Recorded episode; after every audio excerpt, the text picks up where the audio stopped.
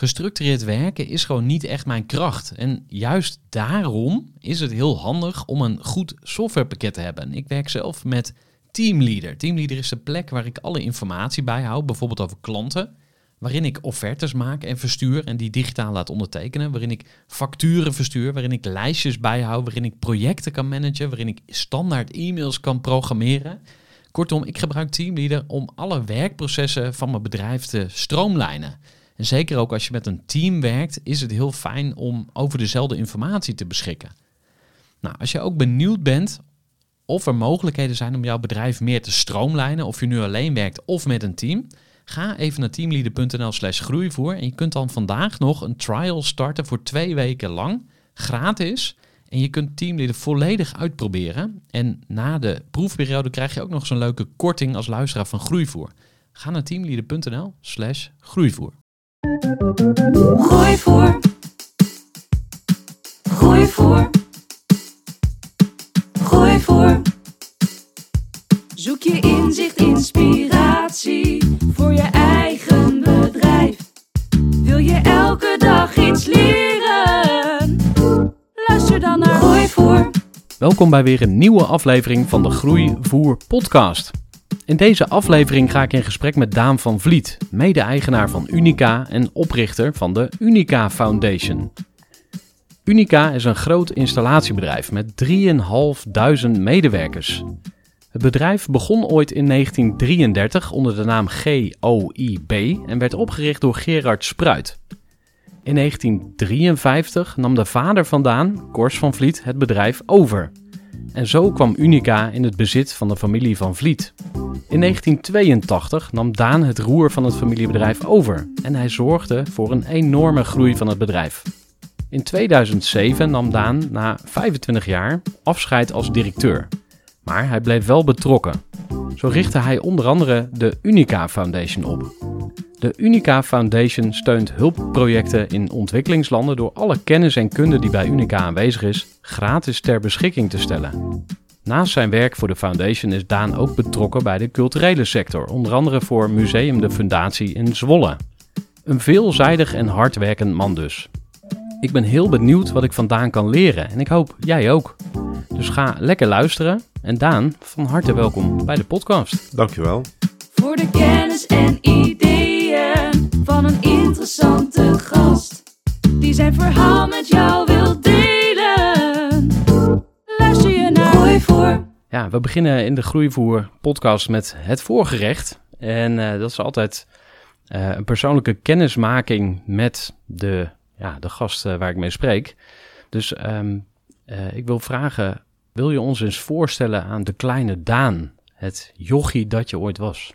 Ja, de kleine Daan die eh, werd geboren in Rotterdam. En eh, groeide op eh, onder andere in Dordrecht, waar mijn vader bedrijfsleider was van een installatiebedrijf.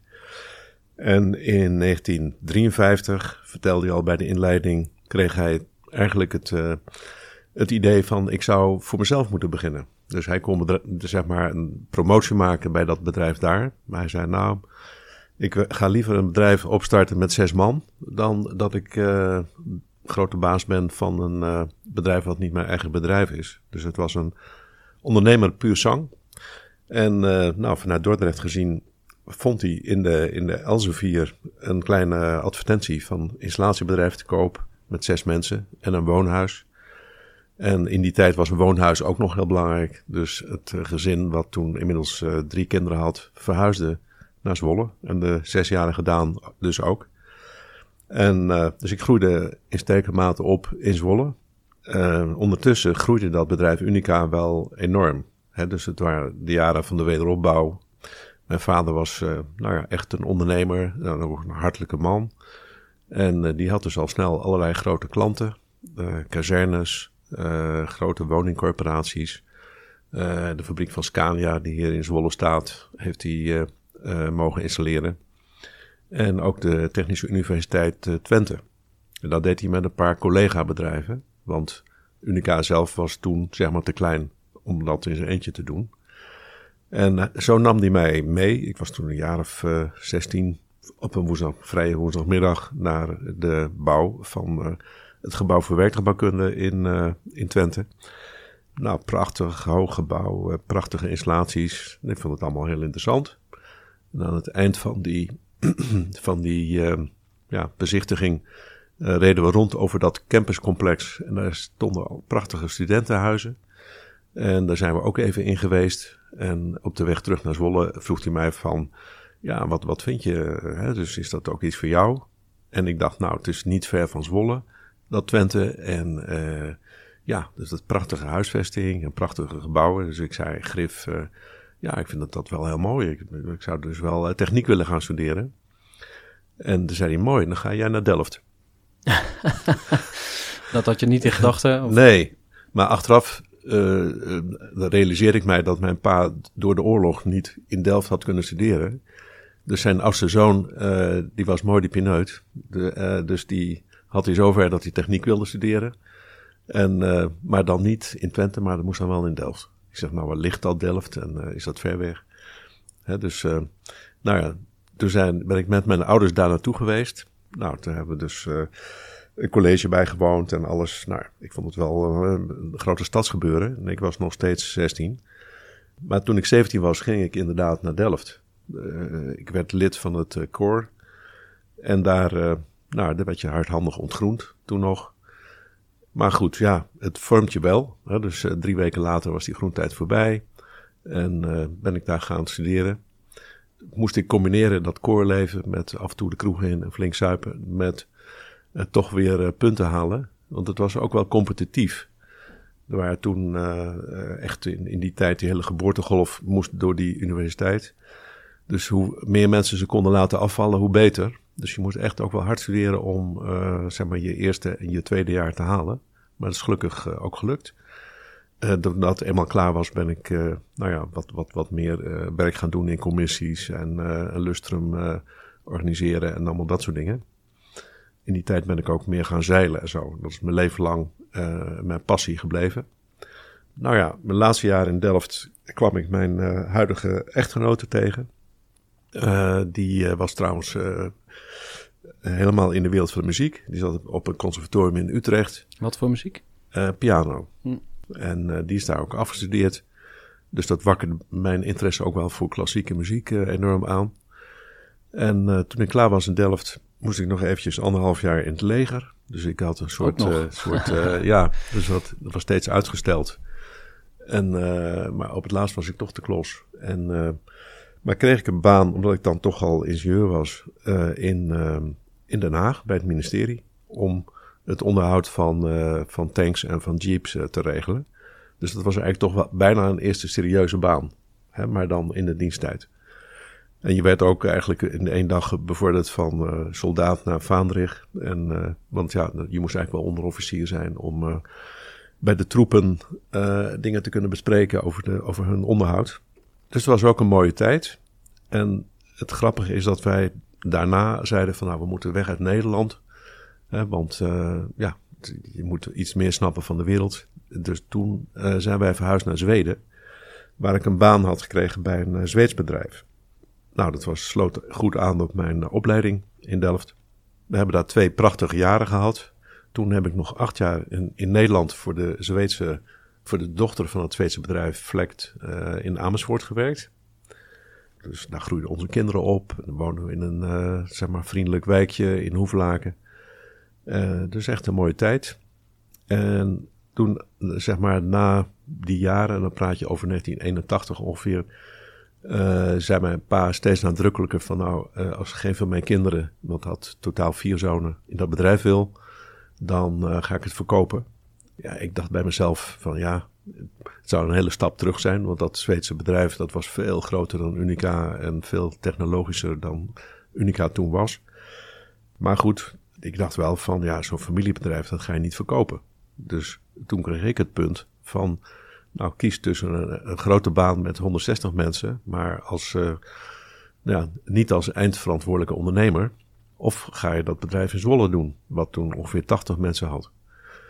Toen ben ik uh, uh, eigenlijk, nou ja, van de een op de andere dag, tijdens een weekendje bij mijn ouders, tot de conclusie gekomen: ik ga dat bedrijf verder doen. Mijn pa die was wat ziek en die, die was 65. En die had gewoon groot gelijk dat hij het anders zou moeten verkopen, dat bedrijf. Maar iets in mij zei van ja, Unica kun je niet verkopen. Dus uh, nou, dan moet ik daar maar naartoe. Nou, toen had ik wel de afspraak van, nou, ik heb al zoveel geleerd in mijn leven. Ik was 34. Ik wil niet aan jouw hand een, zeg maar, jaar ingewerkt worden. Dus als ik kom, dan nou, wil ik 20 minuten ingewerkt worden. En dan zelf. en dan moet het klaar zijn, hè? Dus en zo is het ook gegaan. Dus ik ben op een mooie zomerdag naar binnen gestapt bij Unica. Uh, mijn pa die had zijn kantoor ontruimd. We hebben samen een kop koffie gedronken. Hij heeft mij voorgesteld aan de medewerkers die op dat moment binnen waren. En zei van, nou ja, als er wat is, dan bel je maar. En daar is het eigenlijk nooit van gekomen. en daar was hij eigenlijk best ook wel een beetje pissig over. Van, ja, want het lijkt me nogal een stap je, je, ja, je bent volwassen, maar je bent nog steeds de zoon van. Ja. Hè, dus uh, kun je daar iets meer over uitweiden? Hoe, hoe, hoe kan het nou dat je pa dat dan toch, je vader dat toch los kon laten? Of moest hij wel, omdat hij ook wat verzwakt was misschien? Of hoe zat dat? Nou, hij was dolblij dat ik het uiteindelijk deed. Want hij had al tien jaar aangedrongen van uh, je moet in het bedrijf komen. Waarom zit je bij die Zweden? En uh, Unica is zo'n mooi bedrijf. Maar ik dacht, ja, het is bij wijze van spreken een soort stap terug. Maar toen ik uiteindelijk daar zat, toen, nou, ging dat die eerste dag heel goed. Dus ik werd voorgesteld en hij zei, nou, bel maar als het wat is.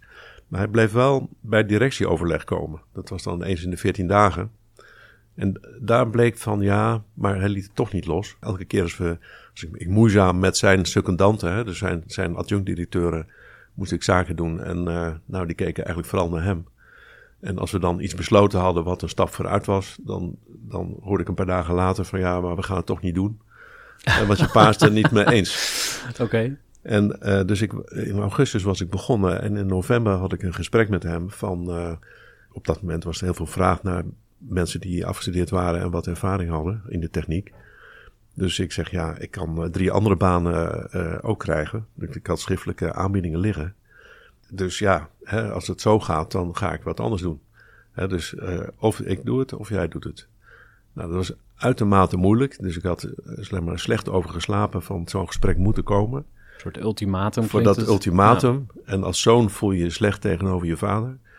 Maar het was ook wel een soort uh, van ik ben hier of de baas of niet. ja, dat gevecht moest dus toch geleverd worden. Nou, later uh, nou, ben ik naar een, een soort midlife opleiding geweest. Die werd gehouden voor mensen die wat verder in hun carrière zijn. Waar ook een psycholoog aan verbonden was. En die zei: Ja, dit is dus toch het koningsdrama. Want je vader die bleef toch de koning. En ja, in die drama's, er wordt vaak, de, de echte klassieke drama's, wordt die zoon zelfs gedood door de vader. Nou, dat, dat was hier totaal niet aan de orde. Maar dus het blijkt vrij logisch te zijn, psychologisch, dat je zo'n uh, je plek moet bevechten. Nou, even een zijspoor is dat ik later ook een coachopleiding heb gedaan en allerlei andere ondernemers heb geholpen met dit soort problemen. Zelfs mensen van beursgenoteerde bedrijven, uh, die toch steeds als tweede man in de schaduw bleven van een baas, die maar niet wegging. Dus die succesvol waren, uh, vaak de krant haalden, daar toch op kikten het succes uitstraalde, wat vaak die tweede man inmiddels al aan het maken was. En daar heb ik ook die mensen aangeraden van je moet die existensvragen aangaan. En je moet dan ook zeggen van nou ja, dus over een half jaar zit ik op jouw stoel of ik ben weg. Nou, dat, dat het enige risico is dat, dat die baas dan zegt nou ga maar weg. Maar uh, af en toe kreeg ik dan toch een appje van nou ja, je kunt uh, op uh, BNR Nieuwsradio uh, nu horen wat er gebeurd is bij bedrijf X. Hè? En dan had zo iemand toch die stap gezet en was dan ook vrij snel met verbazing van de buitenwereld benoemd tot de CEO. Hè? Dus, maar goed, ik heb dat in het klein toen gehad. En dat gaf mij, mij dus toch een paar jaar zeg maar een minder prettig gevoel gegeven. Maar later is die band met mijn pa enorm goed geworden. Omdat we ja, het bedrijf was gewoon succesvol. Hè. toen ik kwam waren er allerlei problemen. En toen vrij snel hebben we de organisatie geoptimaliseerd. We hebben goede mensen aangenomen.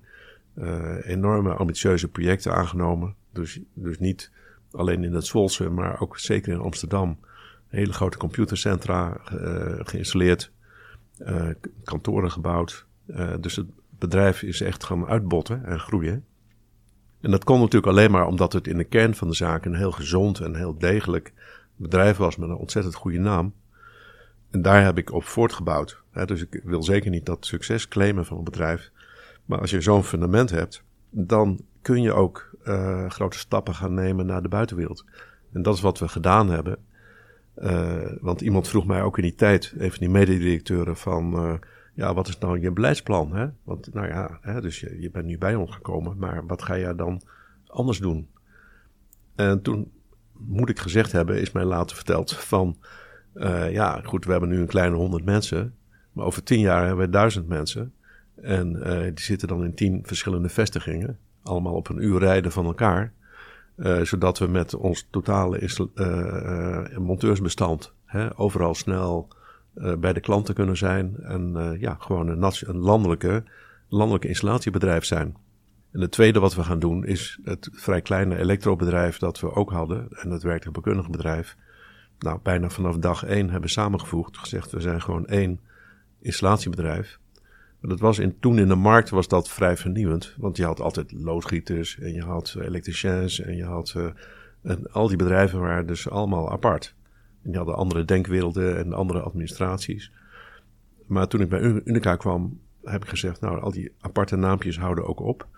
En we heten voortaan Unica Installatiegroep.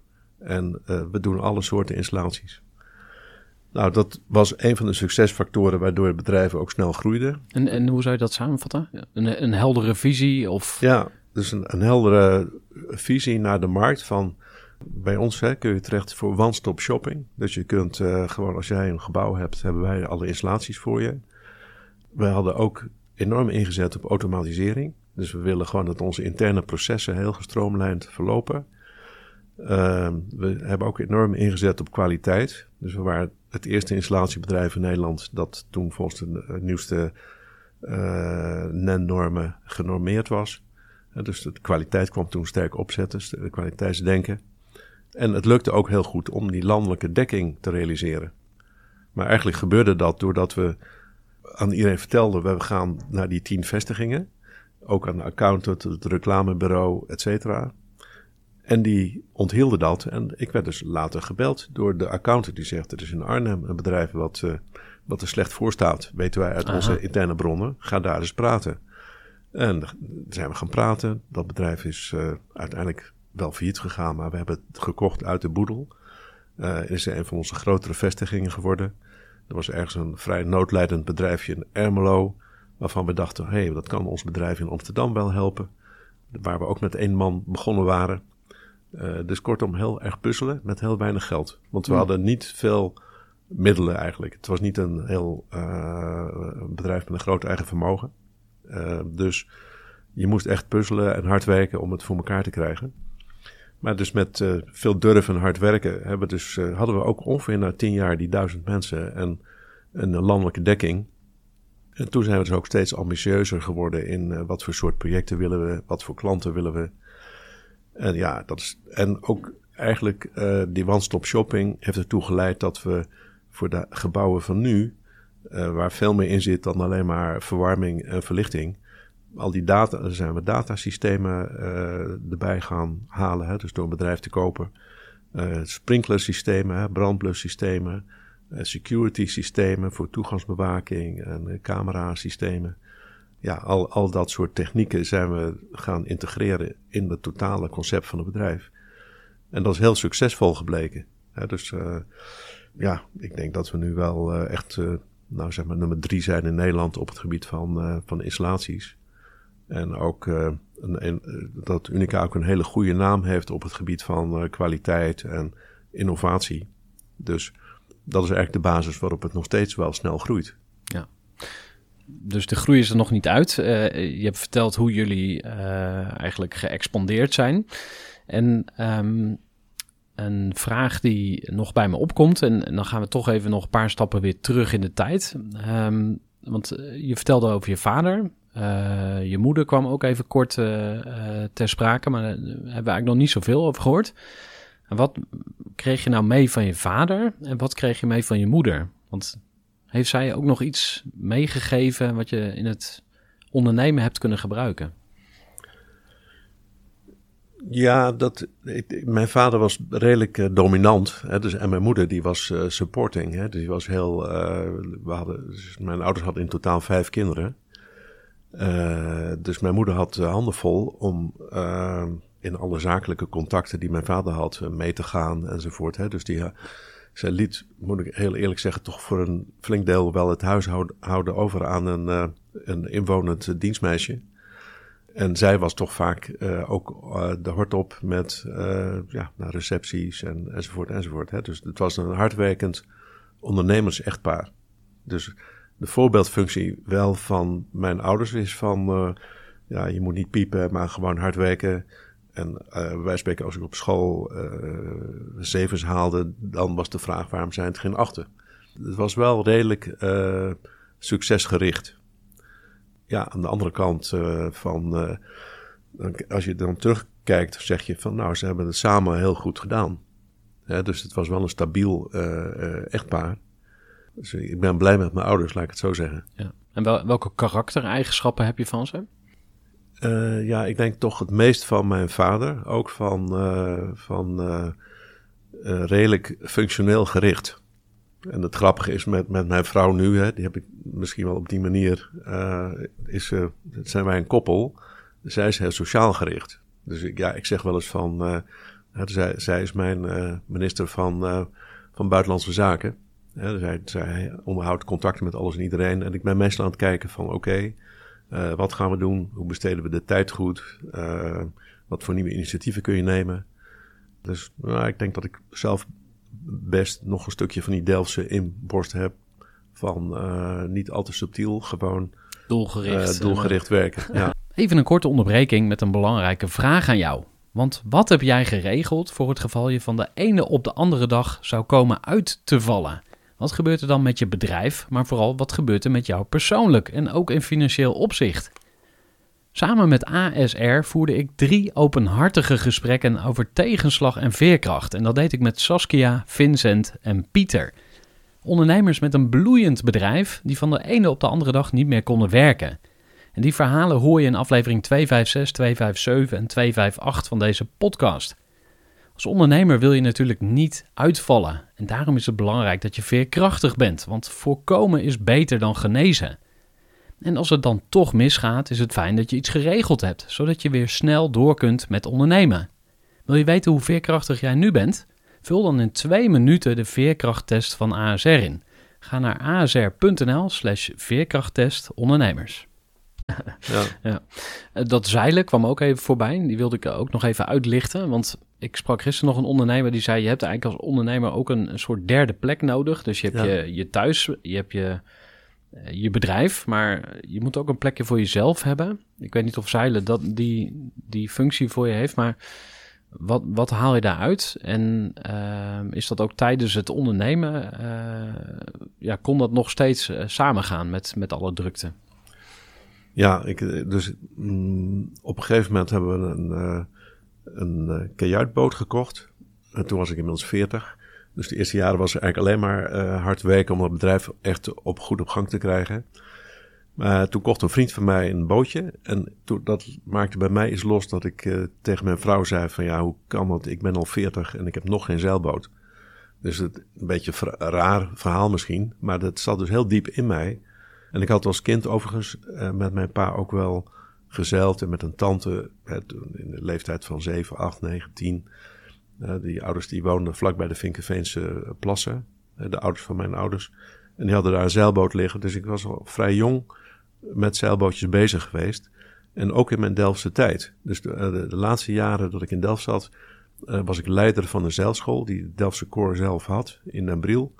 En ook zeilinstructeur. En nou ja, nou, toen was het dus heel lang, laten we zeggen, twintig jaar kinderen krijgen en druk zijn en druk zijn. En toen, uh, op, op mijn veertigste ongeveer, kwam dus de eerste bootje. Toen, ondanks dus de aanvankelijke uh, zeg maar weerstand van ja, daar hebben we geen tijd voor, bleek dat we ook dat de eerste jaar al best veel weekenden weg zijn geweest. En op een gegeven moment gingen we naar de Wadden en gingen we naar Zeeland. En nou ja, dus dat sloeg echt aan uh, in ons gezin. En uh, ook toen de kinderen uit huis gingen, die gingen ook weer ergens studeren, hebben we een iets grotere boot gekocht. En uh, nou, daar kon je nog verder mee weg. Hè? Dus uh, naar Engeland en naar Frankrijk. En nou, na tien jaar ongeveer hebben we dus, dus de, het laatste stapje gezet naar nog net iets grotere. Waarmee je dan echt zonder veel problemen ook naar Noorwegen, Zweden kunt. We zijn ook mee naar Spanje geweest. Ja, en wat voor mij moet ik zeggen, is dat uh, zeilen inderdaad die, uh, naar die, die derde plek. Hè? Je hebt je gezin, je hebt je bedrijf en er is ook nog een soort uh, derde plek. Ja, daar hebben we ook samen, heel veel jaren eigenlijk samen opgevaren. Ja, echt hele mooie tijden beleefd. En ja, ik heb later wel eens een keer ook aan mensen uitgelegd van, kijk, zeilen is ergens ook weer een soort manager. Want je moet omgaan met getijden, met het weer met de wind, met uh, je conditie. Ik zeil ook elk jaar nog voor de, dit jaar voor de 33ste keer met een stel vrienden. Dat heet dan Boys Week.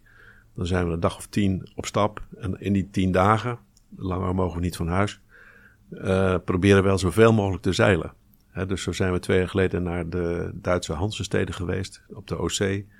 We zijn best, nou ik geloof wel twintig keer overgestoken naar Engeland en weer terug.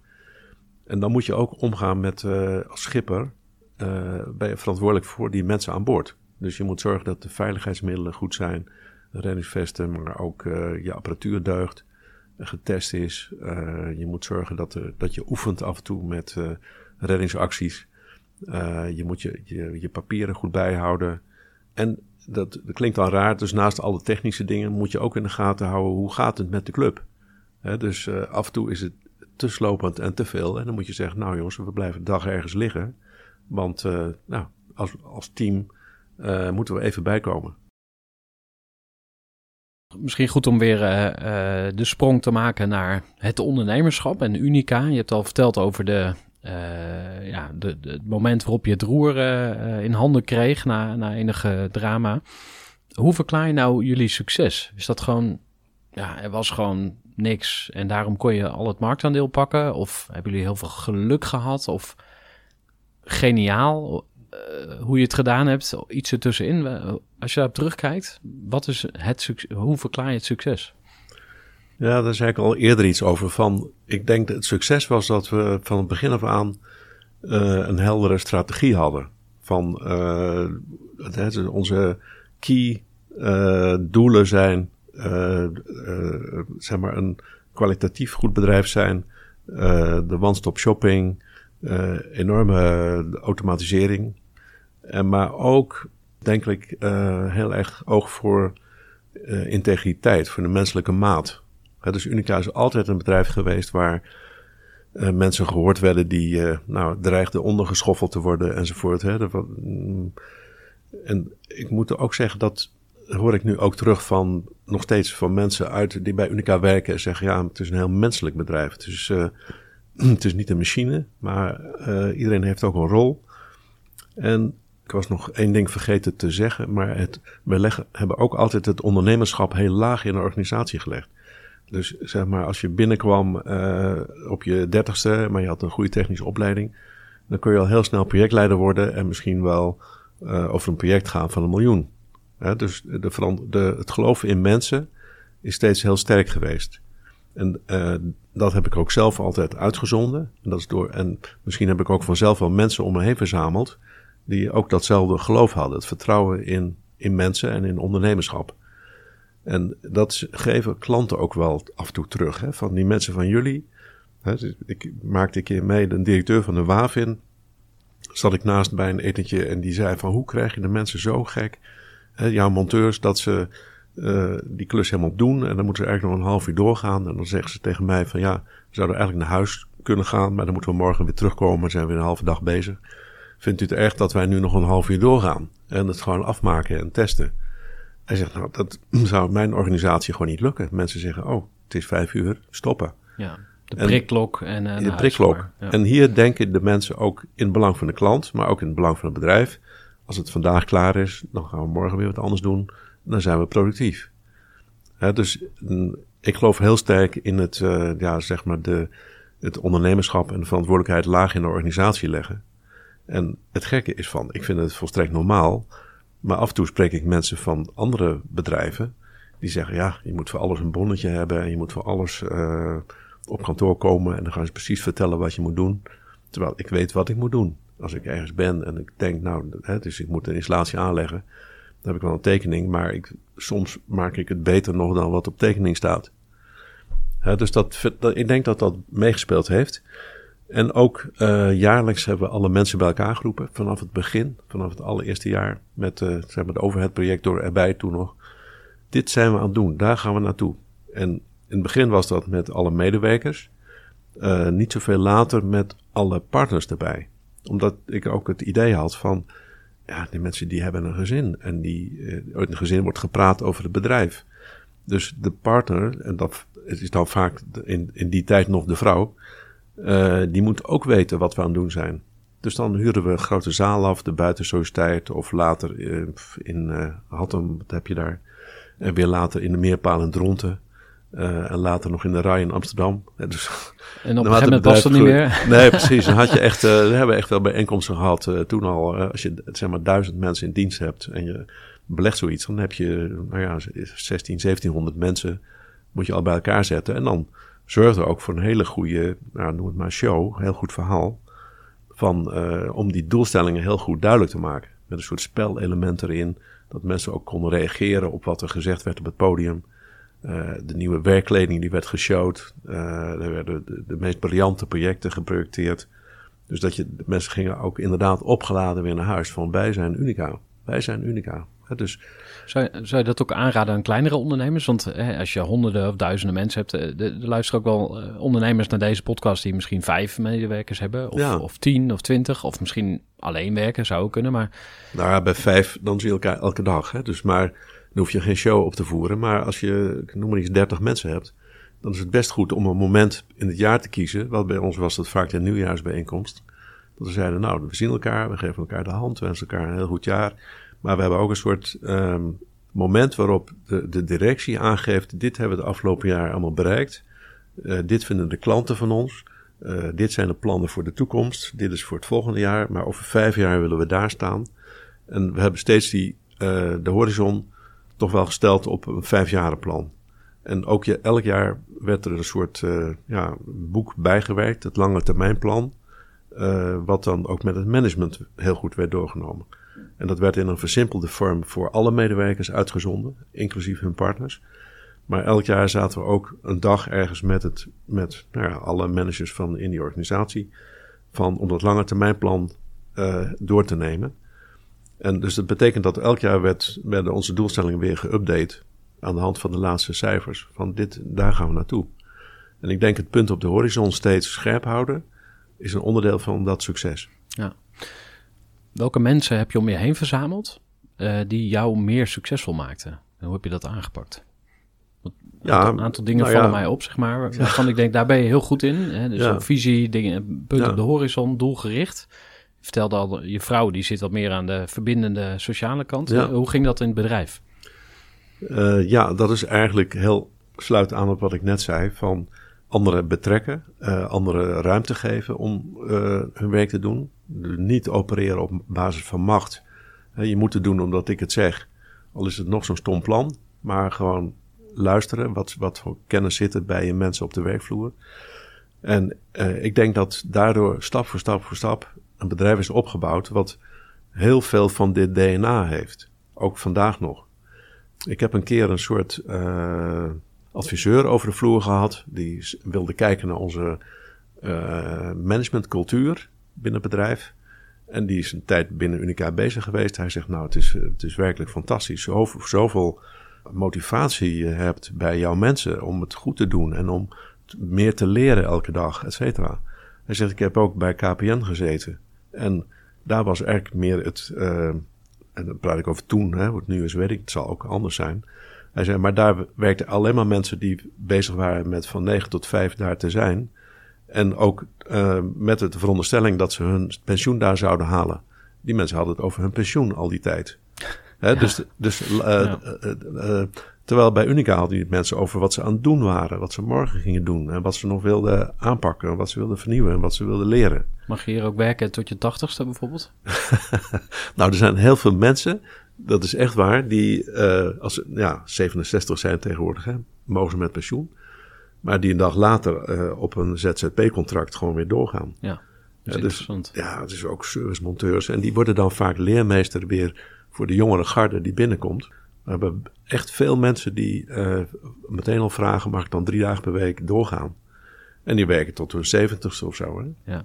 Ja, ik moet altijd denken aan Warren Buffett, hè, van de Ja. 93 is die geloof ik, die, die ook maar doorgaat en waarschijnlijk in het harnas gaat sterven. Ja.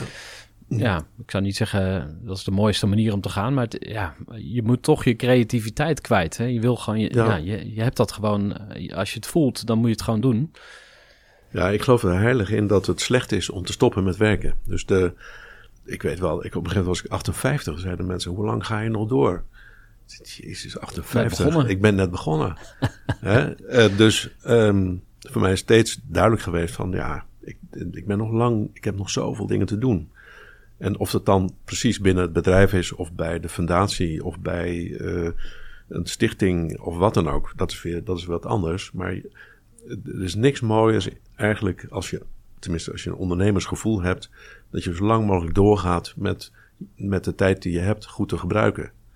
En naarmate je ouder wordt, krijg je ook meer het idee, ik moet ook meer eh, eh, teruggeven aan de maatschappij. Hè? Dus tijdenlang ben je bezig voor het bedrijf, eh, waarvan je zegt, nou dat wordt heel groot en heel rijk en heel prima.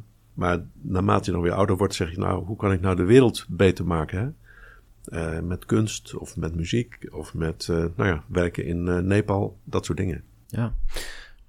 Een heel mooi bruggetje naar de Unica Foundation. Ehm, we hebben nog een klein stukje daartussen nodig, denk ik, om, om goed te begrijpen waar je nu staat. Na 25 jaar heb je eigenlijk gezegd van, ah, oké, ik stop als directeur. Je hebt een opvolger gekozen of geworven. Ik ben heel benieuwd naar twee dingen. De, de verkoop, want dat was natuurlijk een grote stap om, om, om eh, ja, eigenlijk een meerderheidsaandeel te verkopen Ja. aan, aan een, aan een eh, partij van buiten. Ja. We zouden dat verhaal helemaal kunnen uitpakken, maar we zouden ook kunnen zeggen van, hey, wat zijn nou de belangrijkste inzichten daarvan voor andere ondernemers als ze hun bedrijf zouden willen verkopen? Dus dat is, dat is een vraag die ik heb. En het andere gaat over, eh, of waar ik nieuw, nieuwsgierig naar ben, is of er ook nog een koningsdrama geweest is toen jij weer de scepter mocht overdragen. Maar daar gaan we straks misschien nog Ja. even naartoe. Maar die verkoop, wat, wat zijn nou, ehm, misschien toch even kort schetsen en dan wat lessen daaruit trekken als het, als het lukt? Nou, het, kan, het is een lange versie en een korte versie, maar ik doe toch maar de korte versie van, wat ik ben nog een keer terug geweest. Ook. Ja, 2013? Ja, Ja. 2013 tot 2014. Nou, misschien is het toch aardig om te vertellen. Dus het, het, eh, ik ben gestopt, toen was ik 59, gestopt bij Unica. Maar ik maakte me ernstig zorgen over dat ik dan te weinig te doen zou hebben. Dus ik heb toen zeven commissariaten aanvaard. En eh, bij een bank en bij een bouwbedrijf en bij van alles nog wat. Dus wat mijn vrouw bracht, bracht tot de verzuchting van... nou, vroeger werkte hij zes dagen per week en nu zeven. Dus dat ging niet helemaal goed. Dus ik moest dat ook iets terugschakelen weer. Eh, maar wat ik wel moet zeggen is, door, al, door dat soort functies eh, heb ik ontzettend veel geleerd in andere bedrijven. Dus, en andere inzichten gekregen. En soms dacht ik dan ook wel in die periode dat ik weg was bij Unica, van nou, met alles wat ik nu weet, zou ik toch dingen anders gedaan hebben. En, maar die kans kreeg ik ook, want ik vertrok in 2007 en in 2012 zagen wij, ik was wel commissaris geworden van Unica en mijn tweede man was eh, CEO geworden. Ehm, maar als commissaris zeiden, het bedrijf doet het nu slechter dan de concurrenten. Maar als je aan de directie vroeg van, eh, ja, hoe komt dit allemaal? Zeiden ze, nee, dat de conjunctuur is zo slecht. Maar ja, dat kun je niet heel lang blijven volhouden. Want we waren altijd beter geweest dan de concurrentie en sneller gegroeid. Dus ja, die jongens die deden het gewoon niet goed. Zeker de CEO niet. Uh, dus dat leidde tot meer uh, onvrede tussen de Raad van Commissarissen en die CEO. En heeft ertoe geleid dat de CEO verzocht is te vertrekken in uh, begin 2013.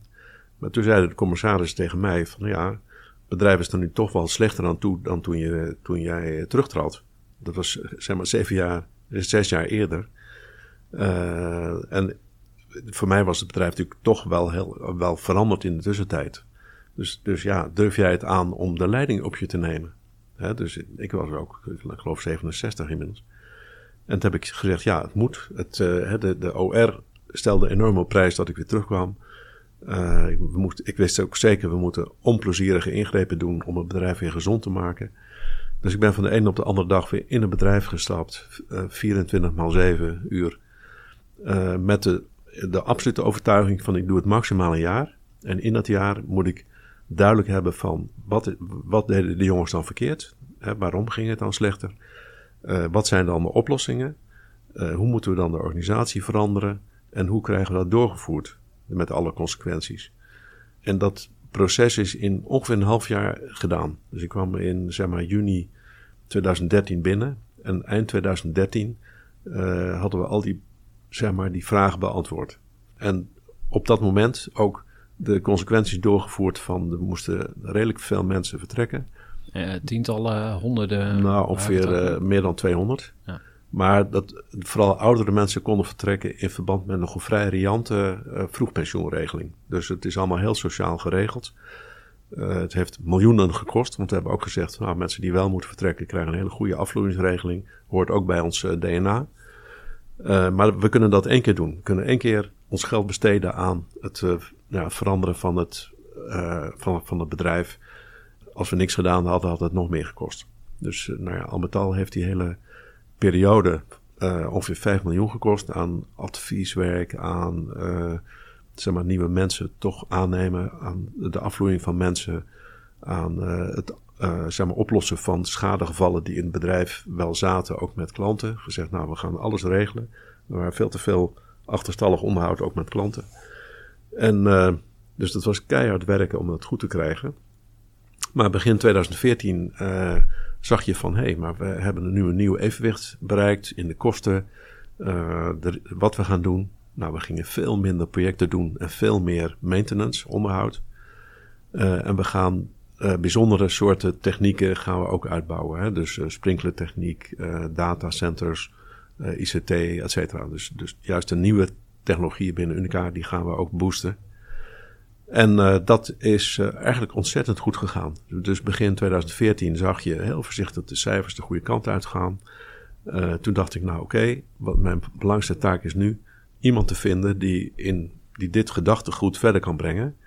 En toen hebben we drie maanden over gedaan om met hele goede headhunters ook iemand te vinden waarvan we dachten, die kan het in onze, ja, ook in mijn denklijn voortzetten. En dat is John Quist geworden. Uh, Tot op de dag vandaag uh, ja, CEO. Ja, en dat is heel plezierig, ook heel uh, zeg maar, tussen ons samen heel goed gelopen. Want hij zei ook, ja, de, de, ingrepen die je hebt gedaan, daar sta ik helemaal achter. Dit is gewoon de goede lijn, die ga ik voortzetten, die ga ik uitbouwen. We gaan niet weer een nieuw idee lanceren. En, Was er nog een sprake van een koning, koningsdrama? Nee, als je aan John zou vragen, zou hij ook zeggen: nee, Daan is eigenlijk op zijn boot gestapt en weggevaren, letterlijk. Ja. dus ik de dag dat hij begon, zeg ik, uh, ik gooi de trossen los en ik uh, ben voor zes weken naar Spanje. Ja, regel en uh, regel het maar. en ik ben ook teruggetreden als, nou ik ben nog een tijdje wel commissaris geweest, maar met heel veel ruimte voor het zittende management. En ja, nogmaals, hij heeft een wonderbaarlijke job gedaan. Dus het was, ik zie dat ook als, ja, niet echt mijn succes dat het nu zo goed gaat, maar het is wel echt zijn succes. Dus ik heb hem het fundament aangereikt en hij heeft dat uh, enorm goed uitgebouwd. En, en echt uh, top. Ook in Nederlandse CEO-kringen zeer gerespecteerd. Hm. Um, dus ja, toen is de, de, tijd van John gekomen. En ik had, uh, zo, na een jaar of drie zag je dat het ook heel goed ging met de mensen in het bedrijf, met de opbrengsten enzovoort. En ik dacht van ja, eigenlijk moet je als familie, als je niet meer echt actief bent, moet je ook het, het heft durven overdragen aan anderen. Ja, want je kinderen wilden niet doen. De kinderen wilden niet doen. Kleinkinderen ook. En die waren, ja, die waren nog heel nog. Die moesten nog, nou, die ja. waren er al wel, maar die waren natuurlijk heel klein. Mm -hmm. uh, dus uh, ik, ik, was helemaal op het punt dat ik dacht: oké, okay, we moeten dat doen. En eerlijk gezegd vond de directie het nog wel jammer, want die hadden natuurlijk op zich ook best wel een soort uh, prestatieregeling. En uh, zij zagen ook dat het nog veel beter kon dan wat ze al deden. In 2016 was dat. Um, maar toen heb ik gezegd: nee, oké, maar we gaan. Ik wil toch de meerderheid overdragen aan een andere partij, maar die gaan we heel zorgvuldig zoeken. Dus samen met de directie en de commissarissen uh, en externe adviseurs hebben wij een profiel opgesteld van het bedrijf wat dan de meerderheidsaandeelhouder zou worden. we hebben zelfs de soort contracten opgesteld voor de verkoop, et cetera. Allemaal voordat we de markt op gingen. Ik zeg nou, onder die condities, ook qua zeggenschap van de familie, willen wij het bedrijf, daar willen we aandelen overdragen. En dat is uiteindelijk Triton geworden. Dus een Duits-Zweedse PE-partij. Private equity. Private equity. En, uh, en die, we hebben een heel mooi uh, proces gehad. Dus, dus ook de hele verkoop liep op een hele menselijke, vriendelijke manier. Die mensen hadden ook een klik met ons. Dus ze hebben dus al de denkwijze van uh, hoe je met elkaar omgaat. Ja. En ja, eigenlijk is, hebben het allemaal ervaren, ook de directie, als een vrij feestelijke periode. De overgang van, nou ja, 100% familie naar 40% familie. Nou, en dat is tot op de dag van vandaag zo eigenlijk. Ja. Is misschien goed uh, om uh, de brug op te rennen naar de foundation. Je hebt een exit gemaakt, zou je kunnen zeggen, of in ieder geval um, een deel van het bedrijf verkocht. En dan besluit je om de Unica Foundation te starten. Wil je ons eens vertellen, ja, wat doet de Unica Foundation? En uh, ja, waarom ben je er eigenlijk mee begonnen? Nou, ik heb eigenlijk het fundament al een beetje gelegd door te zeggen van, laten we zeggen, als je ouder wordt en uh, ja, het succes is daar, maar je hebt het niet persoonlijk meer nodig. En dan ga je nog meer om je heen kijken. Zeg je, nou, waar is dan wel, waar kunnen wij met onze inspanningen heel veel effect bereiken? En dan was het zo dat ik in uh, eh, 2001 ben ik met onze zoon naar Nepal geweest. Hij was tijdens een wereldreis daar terechtgekomen. Na allerlei omzwervingen, heeft daar een tijd gezeten. Heel allerlei trajecten gelopen en had prachtige platen gemaakt, dia's. En, uh, toen hij weer thuis was na een jaar, toen zei hij van, uh, nou, vertoonde al die plaatjes. Hij zei, maar... Verloren alle, zoon zie ik nu voor me, maar... Alle, ja, ja, maar, dus hij was niet helemaal verloren, maar hij zei, nee, want kijk, hij had wel dertig foto's van, van opkomende zon ergens op een bepaalde plek. Terwijl die echt met die dia's, nou hij maakte twee dia's per dag, moesten zuinig mee zijn, rolletjes. En plotseling gingen 36 fotootjes, een heel rolletje op aan die, aan die plek. En zei, daar wil ik een keer met jou staan. Nou, dat, was, dat je als vader, uh, klinkt dat ook heel plezierig. Hè, dat je denkt, nou, dus dat laat ik me geen twee keer zeggen. Dus ik ben uh, een paar maanden later, nee, het, nee, het was een, jaar later ongeveer, met hem daar na, naartoe gevlogen. En we hebben een trektocht gemaakt van drie weken. Nou, echt een heel, heel bizarre tocht. En ook wonderbaarlijk mooi. Hè? Dus uh, hele mooie contacten opgedaan met mensen daar. En uh, 2001. En ik schreef daarover in het uh, blad van Unica, Communicatie. Het personeelsblad. En daar reageerde iemand op. Die zei van, hé, hey, maar ik heb ook in, in Nepal een, een, paar maanden bij een neef gewerkt... die daar een ontwikkelingsorganisatie heeft. En ik dacht nu zo van, uh, dit, zeg maar, dit gesprek was dan in 2007, van um, ja, als u daar uh, zo van genoten hebt, dan heeft u vast gezien dat je met heel weinig middelen daar heel veel kunt bereiken. Ik zeg, ja, dat is zo. Hij zegt, nou, ik heb een stichting bedacht. Dus het was Roy Vos die dat, medewerker, die dat bedacht heeft. En uh, nog een hele jonge knaap toen, iets van 22 denk ik. En die zei van, uh, knock on your door. En uh, dus vlak voordat ik wegging bij, bij Unica in 2007, zei hij van, goh, zou, zouden we dan niet een stichting kunnen oprichten? Want u krijgt vast geld bij uw afscheidspartij en allemaal dat soort dingen. Had u over nagedacht. hij zegt, en dan kunnen we meteen in die stichting stoppen en aan de slag. Nou, een heel goed idee. En hij had ook een brochure gemaakt voor het eerste jubileum van de Unica Foundation. Dus hij had een, met desktop publishing een, een, blad gemaakt, eh, twee, zeg maar twee A4'tjes. Met, nou, ik stond erop met een Nepalese kindje in mijn arm. En met allemaal succes en Nepalese vlaggetjes over de place. En ja, ik dacht dat is bijna, dat kan je haast niet weigeren. Als je dat kunt bereiken, wat hij daar schrijft. Wat, wat die nu vijf jaar hebben gedaan.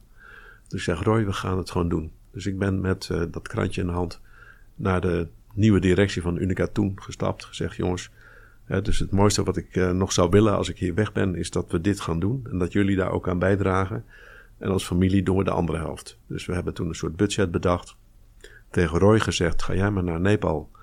Want je, je laat zeggen, de komende twee jaar maximaal, je, mocht, je mag, mag er een paar maanden per jaar zijn.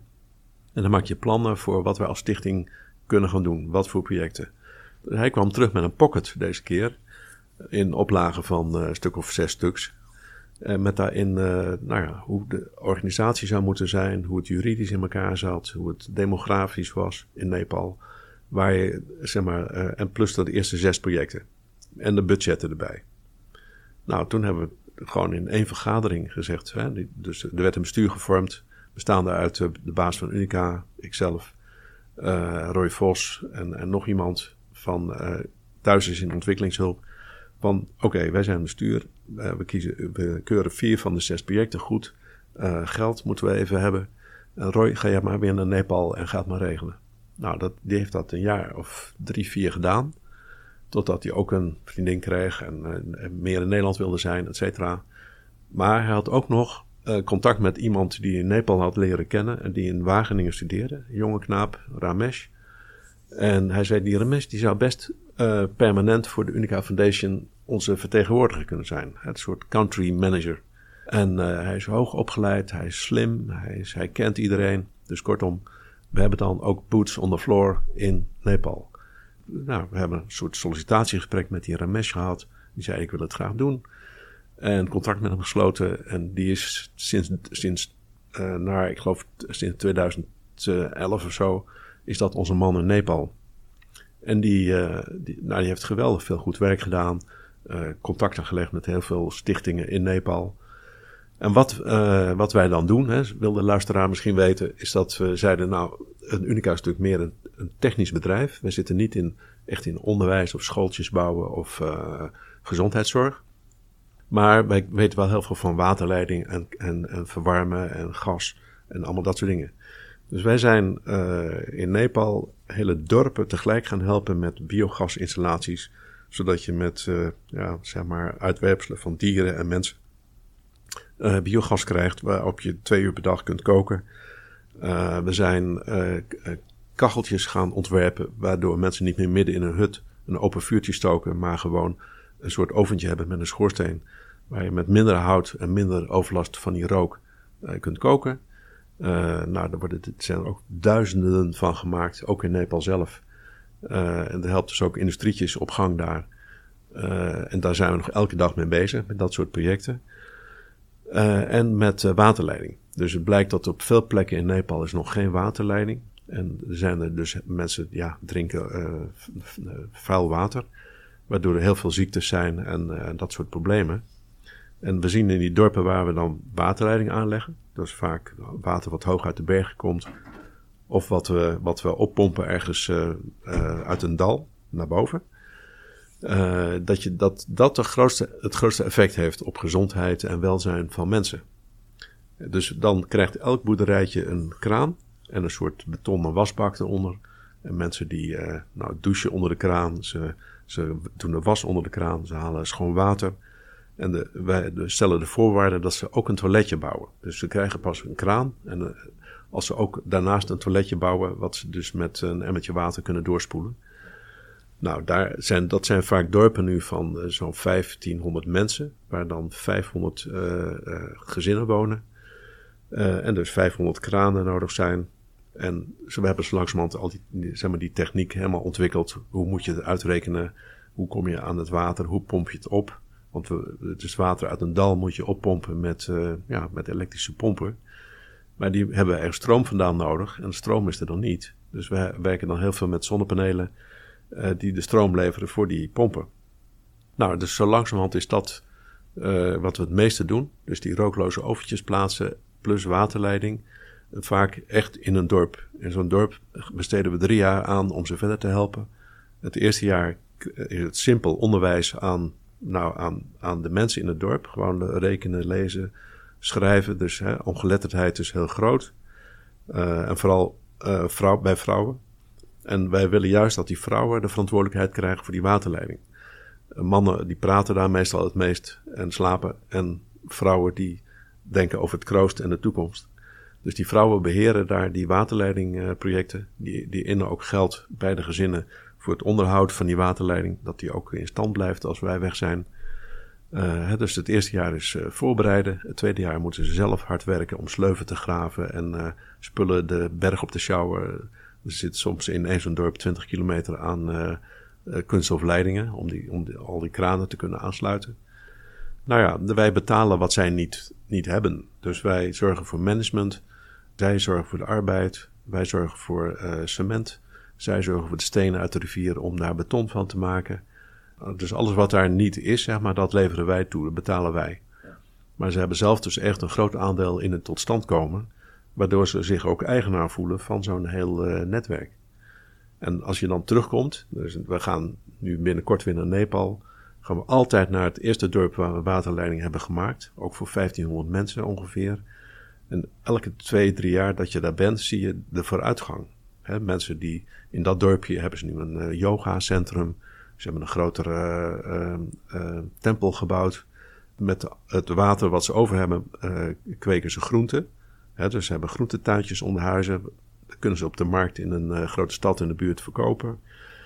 Ja, dus het heeft ook echt lange termijn uh, impact. Ja, het heeft echt ja. lange termijn impact. En ik heb ook mensen meegenomen naar dat dorpje, uh, twee jaar, drie jaar geleden. Uh, ook onder, mede-ondernemers van, en marketingmensen die hebben gekeken naar het dorpje. Wat kun je, hoe kan je nou de levensstandaard van die mensen verbeteren? Hè? Zodat niet de mannen naar Qatar hoeven om daar stadions aan te leggen, maar gewoon in het dorp kunnen blijven. Nou, dus daar zijn wandeltochten ontwikkeld, waar die mannen gidsen zijn. Ze hebben hotelletjes gemaakt langs de weg.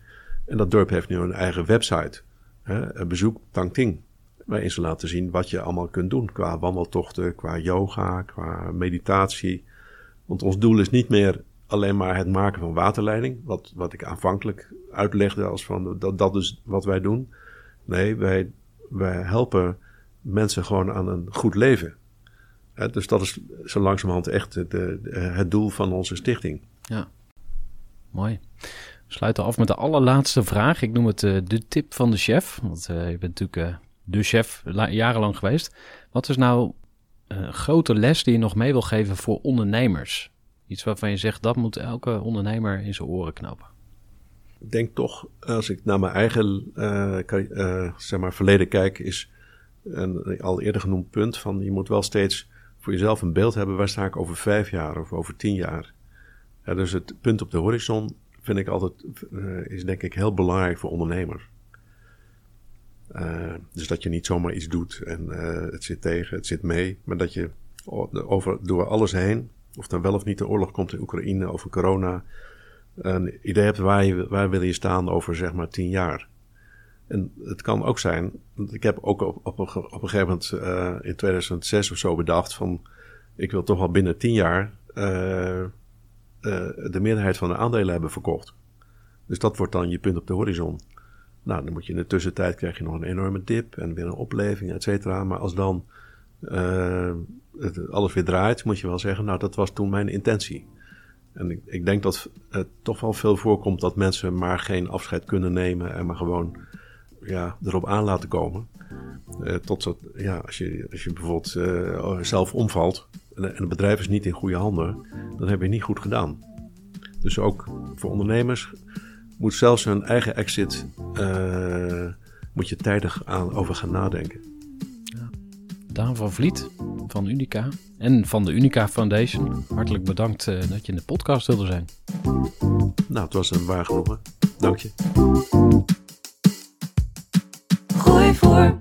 Gestructureerd werken is gewoon niet echt mijn kracht. En juist daarom is het heel handig om een goed softwarepakket te hebben. Ik werk zelf met Teamleader. Teamleader is de plek waar ik alle informatie bijhoud, bijvoorbeeld over klanten.